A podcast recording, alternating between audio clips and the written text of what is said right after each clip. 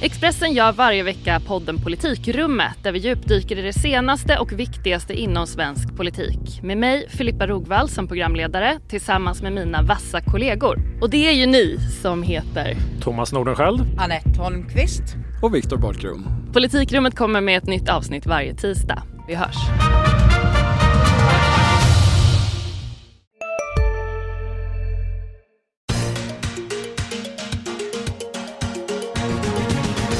Hej och välkommen till Makrorådet. Med mig idag har jag Annika Winst, chefsekonom på Nordea och Per Magnusson, senioranalytiker på Swedbank. Välkomna hit båda två. Tack, tack. Denna regniga förmiddag i Stockholm vill säga regnade. Eh, innan vi börjar ska jag säga att det är den 25 oktober när vi står här och pratar och att jag heter Viktor Munkhammar. 25 oktober betyder dagen före dagen. Både Riksbanken och ECB kommer med räntebesked imorgon och Bank of Canada för den delen redan i eftermiddag. Det ska vi självklart prata om. Eh, vi ska prata om Japan också. Där har det varit val och den sittande premiärministern tog hem en stor seger. Eh, och så blir det spaningar och veckans viktigaste. Men jag tänkte att vi skulle börja med eh, centralbankerna. Annika, det är ju ja, som sagt både Riksbanken och ECB och i den ordningen dessutom. Mm. Vad ska man räkna med händer imorgon och vad har det för betydelse? Ja, just ordningen gör väl att Riksbanken inte är så intressanta. De kan inte göra så mycket innan ECB gör någonting. Och min bedömning, vår bedömning är att Riksbanken ligger still. Man gör ingenting med räntan och man skickar inte heller eh, några nya signaler. Och, och eh, eh man får helt enkelt invänta ECB. Ja, så att det är ingenting från Riksbanken? Nej, ja. det tror jag inte. Och eh, ECB det är ju lite mer spännande på förhand. De har ju ändå bullat upp kan man väl säga för att det ska komma någon typ av besked om vad som ska hända med de här köpen av räntepapper under nästa ja. år. Och ECB är ju fortfarande väldigt försiktiga i sin kommunikation. De vill ju inte på något sätt äventyra den väg de har hunnit bana. Men inflationen är fortfarande väldigt volatil. Men vår bedömning är att den signal man nu kommer att skicka är att man kommer att köpa mindre från och med årsskiftet. Och, och vår prognos är att man går från 60 miljarder i månaden till 30 miljarder i månaden, så en halvering. Men fortfarande eh, stödköp. Ja, och hur länge då ska de? För det är en, de dribblar ju både med volymen och Ytterligare längden. Ytterligare ett halvår. Ytterligare ett halvår. Mm. Och sen säger, säger Och sen får man ju komma tillbaka och se. Och, och, som jag sa, inflationen har ju varit eh, ganska instabil och det gör ju att de kommer ju tassa väldigt försiktigt. Draghi var ju ute till exempel i början av sommaren och, och höll ett tal där marknaden överreagerade på den. Så han har väl lärt sig en läxa av att här gäller det att ta väldigt små steg i kommunikationen för att inte äventyra det man har lyckats vinna med den politik man har fört. Ja, Okej, okay. så att säga 6 gånger 30 miljarder euro då. 30 mm. miljarder euro per mm. månad är det ni tror. Ja. Och sen så säger man att så får vi se hur det ser ut när vi närmar oss slutet av det programmet och kanske återkommer. Mm. Ja, okej. Okay. Per, vad tänker du händer imorgon? På hemmaplan och i Frankfurt? Ja, jag har inte egentligen så mycket tillägga till det som eh, Annika sa. Eh, annat än att vi kan ju konstatera att Riksbanken har lite eh, olyckligt utformad kalender när de fattar beslut dagen innan ECB fattar beslut. Ja, de sitter precis nu när vi sitter ja, här och pratar precis, faktiskt. De, de, Men beskedet kommer imorgon. Ja. Exakt, och det är, det är, lite dumt kanske med tanke på att de är så beroende. Så att jag säger precis som Annika, de kommer säga så lite som möjligt för att de vill invänta mer information och eventuell marknadsreaktion innan de, de säger något. ECB, även där så är jag enig med Annika. Det är väldigt mycket ett eh, möte som går ut på att inte skapa oro på marknaden. Eh, och det här mötet i Sintra, Portugal, som, som skapade lite marknadsoro. Man tyckte det var för hawkish. Det, det var någon näsbränna för Draghi. Eh, och man har ju varit väldigt bekymrad över euro-dollar-kursen som Visserligen har kommit ner lite grann nu men den, den har ju gått upp eh, kraftigt i alla fall under året. Och, och, man är ju bekymrad över att man ska gå för hårt fram. Så att eh, en kommunikation där man gör tydligt att, att eh, vi fortsätter en expansiv politik, vi sänker tempot en liten aning men, men vi är fortfarande liksom beredda att agera. Det, det är det de vill ha. De vill ha stabilitet och gärna en lite eh, svagare euro såklart. Annika, skulle det vara så att om det nu blir som ni tror att ECB gör en förlängning i ungefär det häradet som du pratade om här tidigare. Skulle det vara ett tillräckligt besked för Riksbanken för att de ska liksom kunna lämna den här äh, status quo-läget då och börja kanske tydligare signalera att det blir en åtstramning, kanske tidigare lägga banan eller är det liksom tillräckligt för att Riksbanken ska våga agera? Eller? Nej, tyvärr. Nej. Eh, och eh, jag tänker också att eh, den inflationssiffra vi fick den senaste var ju svagare än förväntat. Riksbanken har ju haft en trend med sig där inflationen har gått åt Mm. rätt håll och känts lite mer bekvämt för dem.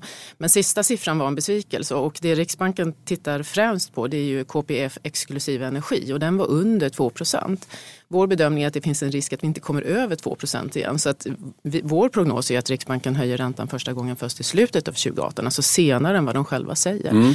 Eh, Så att nej, eh, de kommer inte kunna agera i närtid. Och jag tror tyvärr inte man kan utesluta att de kommer att behöva göra mer eh, om, om saker och ting går snett. Skulle det då i första hand vara att de förlänger köp, det egna köpprogrammet Ja, ytterligare? eller? ja, att Ja. du behöver vidta fler åtgärder. Eh, Och eh, Per Jansson var ju ute för, nu kommer jag inte ihåg om det är en månad sedan eller något sånt där och sa att det var en självmordsexpedition att gå före ECB. Det är ju oerhört starkt uttryck.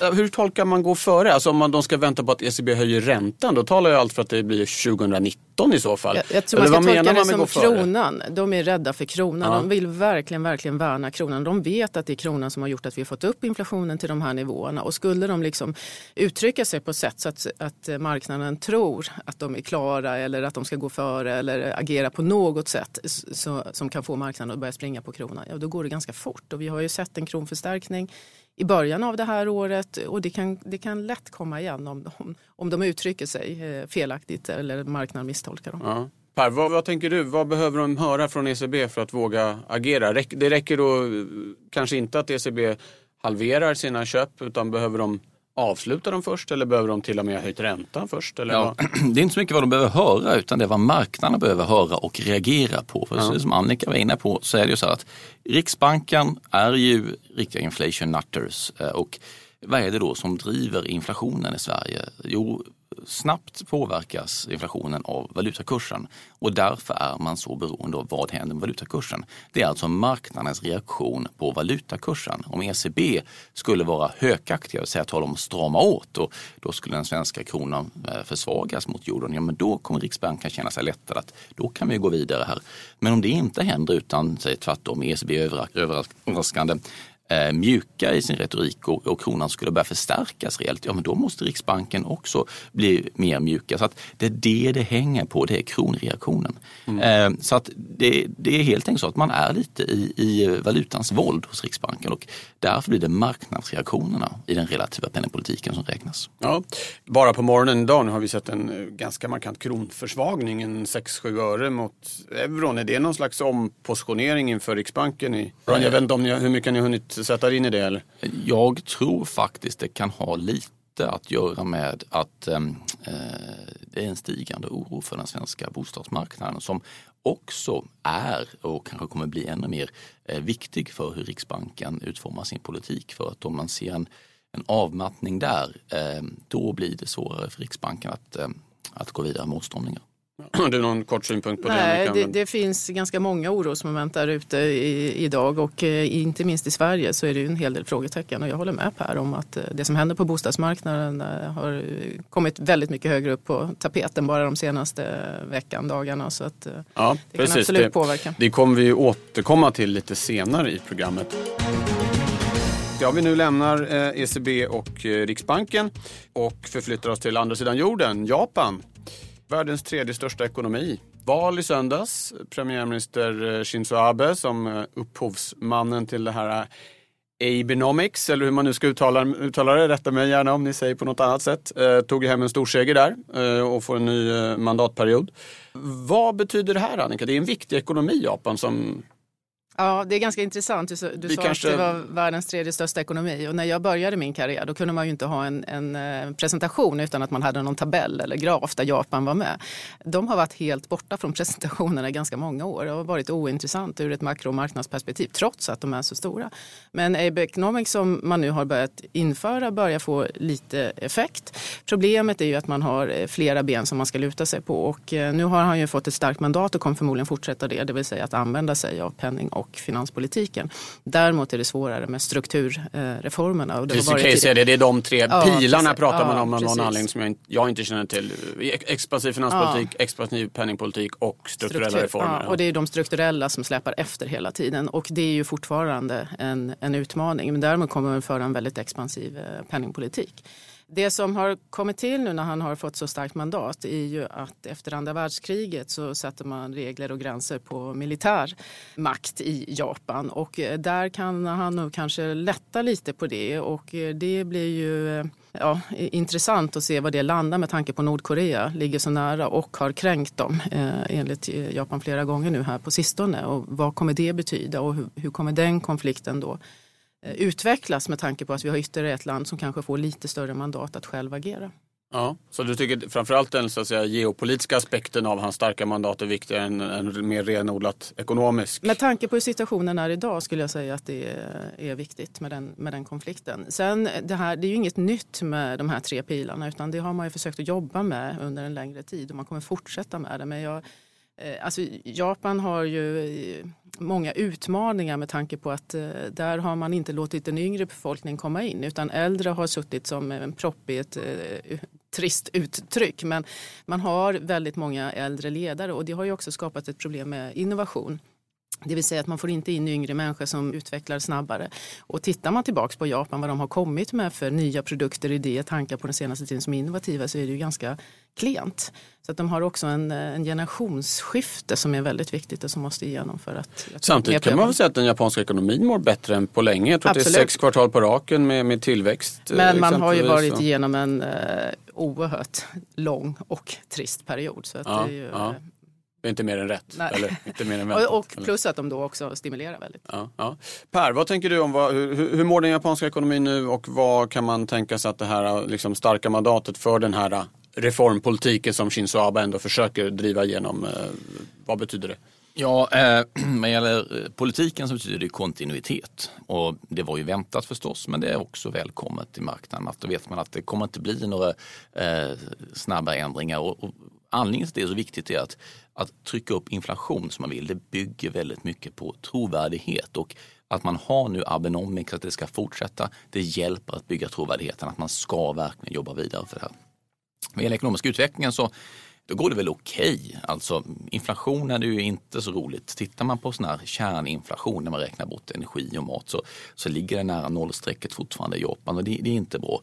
Däremot ser man på tillväxten eh, mätt som per capita för arbetsför befolkning eh, så går det ganska okej okay, faktiskt. Däremot så har man ju demografiska problem och det betyder att BNP som helhet står och stampar men det går väl ungefär så bra som, som man kan givet förutsättningarna.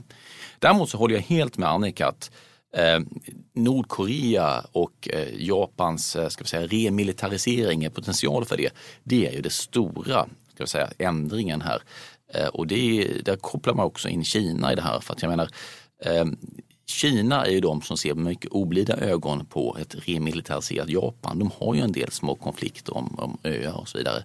Och det faktum att Japan känner sig nu att nej, men nu, nu kan vi kasta av oss det här eh, Eh, arvet av att det inte var militariserat, börja bygga upp en militärmakt. Det, det kommer kunna stöka till det i hela regionen. Så att den här treenigheten eh, med eh, Korea, Kina och Japan, det, det kan bli stökigt. Ja, Okej, okay. bra. Japan ska vi prata mer om. Inte, inte idag, men, men framöver. Det, det är underbevakat. Hemläxa för mig själv. Då går vi vidare till eh, spaningarna, vad ni har med er. Annika, vill du eh, börja? Smygreglering har jag ja. klottrat ner här på ett papper. Berätta. Ja, smygreglering av lånemarknaden Aha, eh, tänker okay. jag mot hushållen. Och med smyg så menar jag just det att vi har flera stora regleringar som redan är genomförda och vi diskuterar en och en. Men det är ingen som tar det här helhetsgreppet. Och det tycker jag är väldigt viktigt. Om man tittar tillbaka så är vi nästan tillbaka kanske på samma nivå som vi var innan avregleringen på 80-talet. Det är väldigt svårt att räkna på det. Då reglerar man institutionerna. Nu är det mer privatpersonerna man går på. Men om man ska göra det, då måste vi faktiskt ha en mycket större diskussion om det. Alla vet ju att en reglerad marknad funkar sämre än en icke-reglerad marknad. Det fanns ju ett skäl varför vi avreglerar marknaden. Eh, och det behöver man ha med sig i eh, bagaget. Och det är ju också så att eh, det är en stor eh, systemskifte som så fall sker. Den diskussionen skulle jag vilja se på mycket bredare mått. Nu känns det som att vi tar en grej åt gången och egentligen så är det ju så att regleringar löser inte problematiken. Utan vi behöver ju politiska beslut så att bostadsmarknaden fungerar bättre. Och det här är någon form av nödlösning. Nu har vi val, politikerna kommer inte göra någonting. Stefan Ingves sitter Hej, Ulf Kristersson här. På många sätt är det en mörk tid vi lever i. Men nu tar vi ett stort steg för att göra Sverige till en tryggare och säkrare plats. Sverige är nu medlem i Nato. En för alla, alla för en. Har du också valt att bli egen? Då är det viktigt att skaffa en bra företagsförsäkring. Hos oss är alla småföretag stora och inga frågor för små. Swedeas företagsförsäkring är anpassad för mindre företag och täcker även sånt som din hemförsäkring inte täcker. Gå in på swedea.se företag och jämför själv. Kvar, vi kommer ha fortsatt låg ränta. Ja, då tittar alla på Finansinspektionen och då är risken stor att man liksom tar ett steg efter det andra. Nu kan det ju vara så att vi har fått eh, mer diskussion om att det svajar på bostadsmarknaden, inte lika mycket säljarens marknad och lite mer köparens marknad idag. Och det skulle ju kunna få politikerna att avvakta och det tror jag är klokt för att vi har inte sett resultatet fullt ut. Alltså hushållen har ju faktiskt anpassat sig väldigt mycket till att amortera mer och så vidare. Och det tar tid att korrigera det här. Eh, och därför tror jag att det är klokt att, eh, att avvakta. Och framför allt skulle jag vilja att man har en mycket större diskussion bland akademiker, politiker, ekonomer och så vidare om hur ska det här se ut på lång sikt? Så att vi inte sitter där med en marknad som är mer reglerad än vad vi hade tänkt och önskat. Ja, det du syftar på då gissar jag att vi fick, dels fick vi ett bolånetak, det är ett antal år sedan nu, men sen fick vi ju det här amorteringskravet i fjol och nu vill ju Finansinspektionen skärpa det för de som lånar över 450 procent av sin inkomst? Är det, ja, är det, det och sen så eller är det diskuterar man också, också kvar att leva på kalkylen. Alltså Ja. man är inne och, och petar i det enskilda hushållet. eh, Och, och det behöver man fundera över. Det är en väldigt viktig Alltså fråga. den som bankerna själva gör den kreditbedömningen? Ja, där har ju Riksbanken tittat på det och tycker att det har varit för eh, generös eh, Ja. nivå så att säga. Eller eh, man har kunnat låna ut för mycket på det. Man borde ha mer kvar att leva av. Eh, Så de har ju haft uppe till, det- till diskussion om man ska se över eh, den. Så att det finns liksom flera olika aspekter här som där man är och petar. Och för enskilda hushåll så får det väldigt stor betydelse. Och ska vi göra det, då skulle jag vilja ha en större debatt om det. Ja, okej. Per, någon reaktion på det? Att vi, vi smygreglerar utan att riktigt märka att det händer?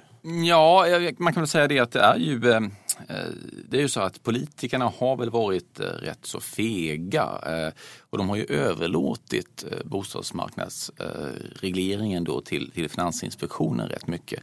Eh, det har ju två sidor. Å ena sidan så eh, kan man väl tycka att okej, okay, man har inte gjort tillräckligt har ju många tyckt då under lång tid och nu, nu agerar Finansinspektionen med att strama åt. Om då regeringen inte ger sitt godkännande till de sakerna Finansinspektionen faktiskt föreslår, då riskerar man ju att underminera den myndigheten. Och det är ju olyckligt i sig att man, man kräver att någonting görs och så görs någonting och då, då eh, sågar man av den grenen. Å andra sidan så eh, tror jag ju att eh, det kan vara så att man kommer lite fel in i gungorna här. Att, eh, visst kan man argumentera för att vi hade behövt ha eh, stramare villkor för utlåning under ett antal år. Men att nu när vi ser tecken på skakig bostadsmarknad eh, lägga på nya eh, åtstramningar, det kan faktiskt göra situationen värre. Så att det känns som det kommer lite för sent det här och nu riskerar man istället att förstärka en, en möjlig nedgång. Det Mm. kan ju göra att politikerna faktiskt bromsar det, särskilt som vi har val eh, runt hörnet. Och, och det, det är det som jag tycker är klokt, att vi måste ha en större debatt och diskussion om det här. Och jag tror faktiskt det är få människor, även i marknaden, som är medvetna om, om man ser på helheten, vad betyder det i relation till hur det såg ut innan avregleringen på 80-talet? Ja, okej. Eh, jättekort bara, om vi säger bara ja och nej, så kommer det här eh, skärpta amorteringskravet att eh, genomföras eller inte? Vi har ju, Finansinspektionen har styrelsemöte 13 november, sen hamnar det på regeringens bord. Det är tänkt att införas 1 mars. Blir det så? Ja eller nej? Annika? Eh, I så fall efter valet, så nej innan valet. Per? Mm, Ja, men jag tror inte de kan desavouera Finansinspektionen. Ja, spännande. Vi får se. Bra! Per, vad har du med dig för eh, spaning? Vi håller oss lite kvar på bostadsmarknaden, eller hur? Ja, det, har vi ju lovat. Ja det, Ja. det har vi lovat och det gör vi också. Eh, jo, eh, vi har ju sett braskande rubriker på sistone om att det är viss oro på, på bostadsmarknaden. Det har ju också blivit ett, eh, drev väl sig kanske, men väldigt uppmärksammat i media eh, att, att det börjar hända eh, oroväckande saker på, på bostadsmarknaden. Och eh, Eh, jag tror tyvärr att det, det ligger en hel del i det. Eh, man kan ju se till exempel på eh, de kvartalsrapporter vi fått från en del fastighetsutvecklingsbolag att, att det går knackigt och att det är vinstvarningar. Och ser man också på finansmarknaden så är aktiekurser och obligationskurser för en del av de här bolagen har stött dykt. De senaste månaderna så är det ett dåligt omen. Det vet vi ju av historien att, att det brukar börja skaka lite där och sedan så kan det spridas i form av att man får ett ökat utbud av osålda eh, bostäder. Och det bör vi också se tecken på och efter det så kan man se att försäljningstiderna drar ut på tiden för folk är ovilliga att sälja pris, sänka priser och sen till slut så börjar man sänka priser och då så kan det här bli lite självuppfyllande. Så att vi står nu och skakar här och eh, det här är viktigt för väldigt många eh, människor eh, av privatekonomiska skäl såklart. Men det är också viktigt av penningpolitiska skäl för att om det här eh, nu är så att vi står inför en avmattning eh, på bostadsmarknaden, då blir det ju mycket svårare för Riksbanken att strama åt nästa år. Eh, särskilt ifall det kommer ytterligare pålagor i form av eh, amorteringskrav och så vidare. Det är en åtstramning också. Eh, så man måste hålla ett, ett öga på eh, bostadsmarknaden. För om det, vi får en avmattning där, då kommer det få en rejäl påverkan på realekonomin och det i sin tur kommer påverka Riksbanken. Eh, så det kan vara att, att bostadsmarknaden liksom hinner mattas av innan Riksbanken ens påbörjar nästa räntecykel. Det är en risk i alla fall.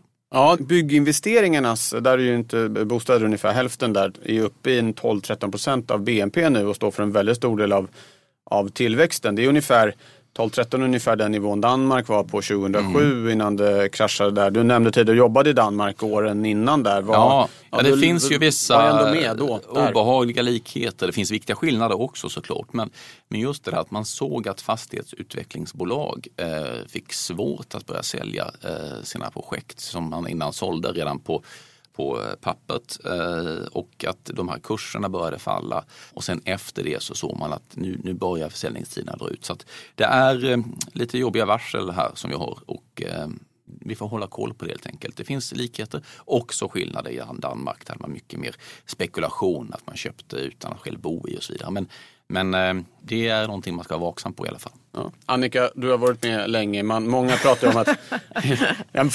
du har varit med sedan den, tiden det var, sedan den tiden det var självklart att ha Japan med i alla presentationer i alla fall. eh, eh, nej men det jag tänker på, många välkomnar ju att det blir en, en, avmattning eller till och med ett litet prisfall på bostadsmarknaden. Det skulle vara ganska bra, kanske jättefint om priserna står stilla i tio år eller faller någon procent per år eller så. Men finns det några historiska exempel på att det någonsin har gått till på det viset? Tillgångsmarknader brukar inte vara så snälla och fina i rörelserna så att säga när, när, när marknaden väl har bestämt sig för att det är fel pris åt något håll.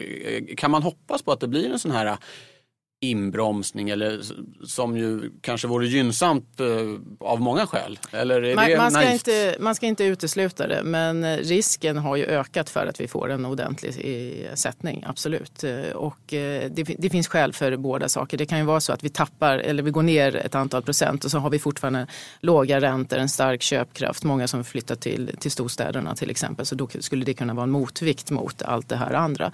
Men jag skulle vilja säga att det, det är två saker som jag har tänkt på utifrån från det här. Och jag började prata eh, för ganska precis ett år sedan, kanske till och med lite drygt ett år sedan, om att vi måste diskutera vad är bostadsbrist.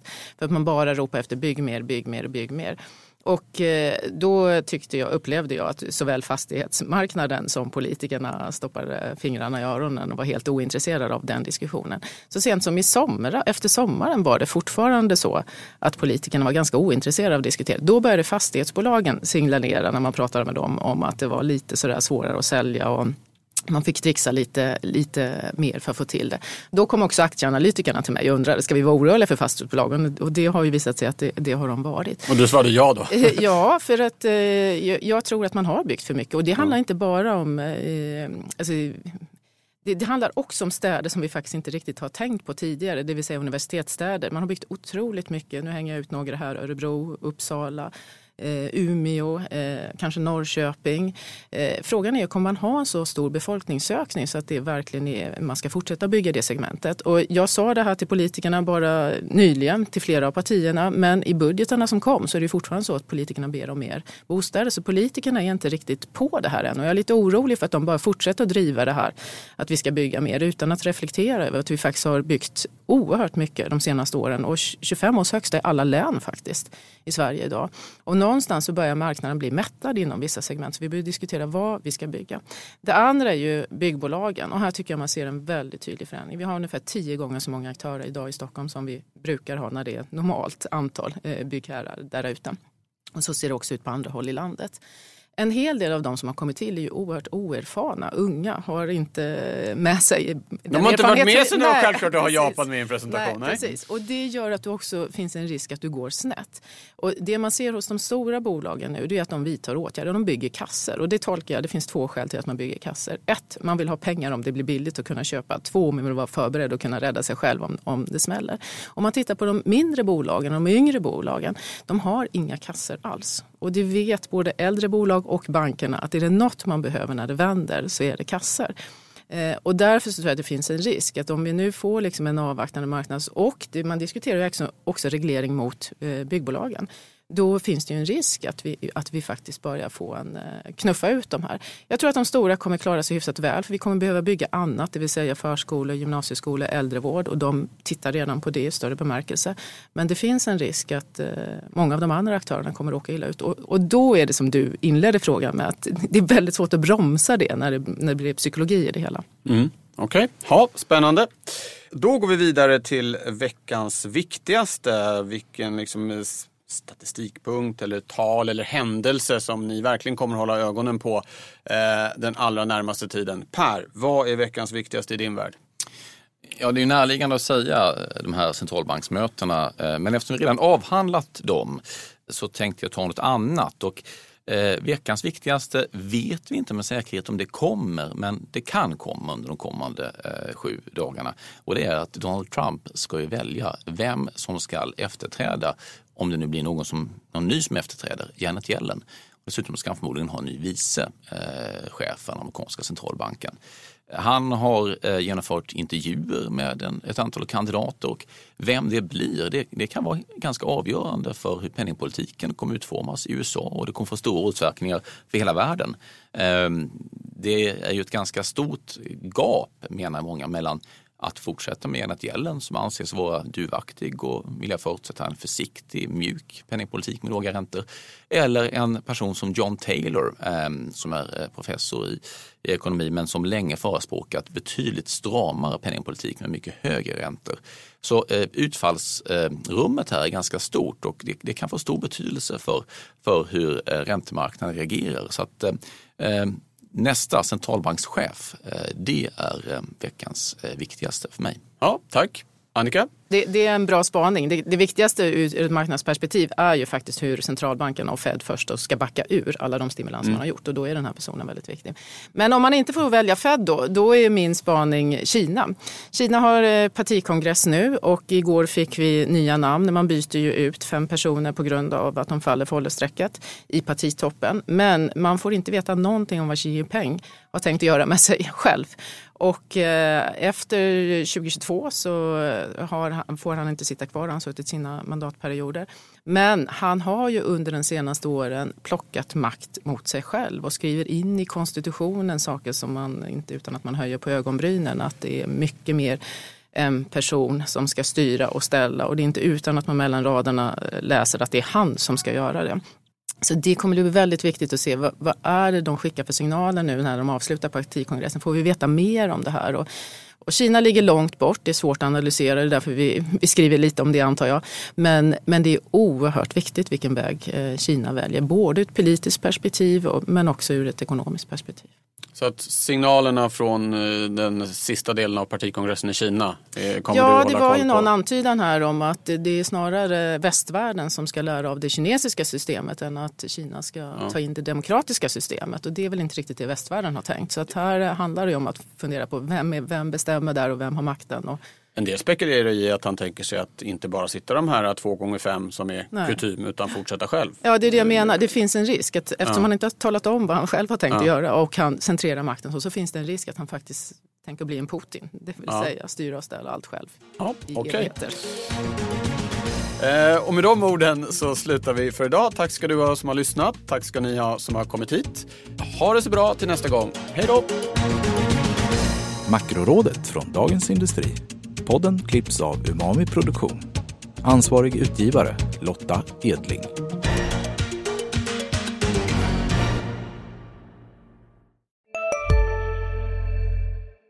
Hej, Synoptik här.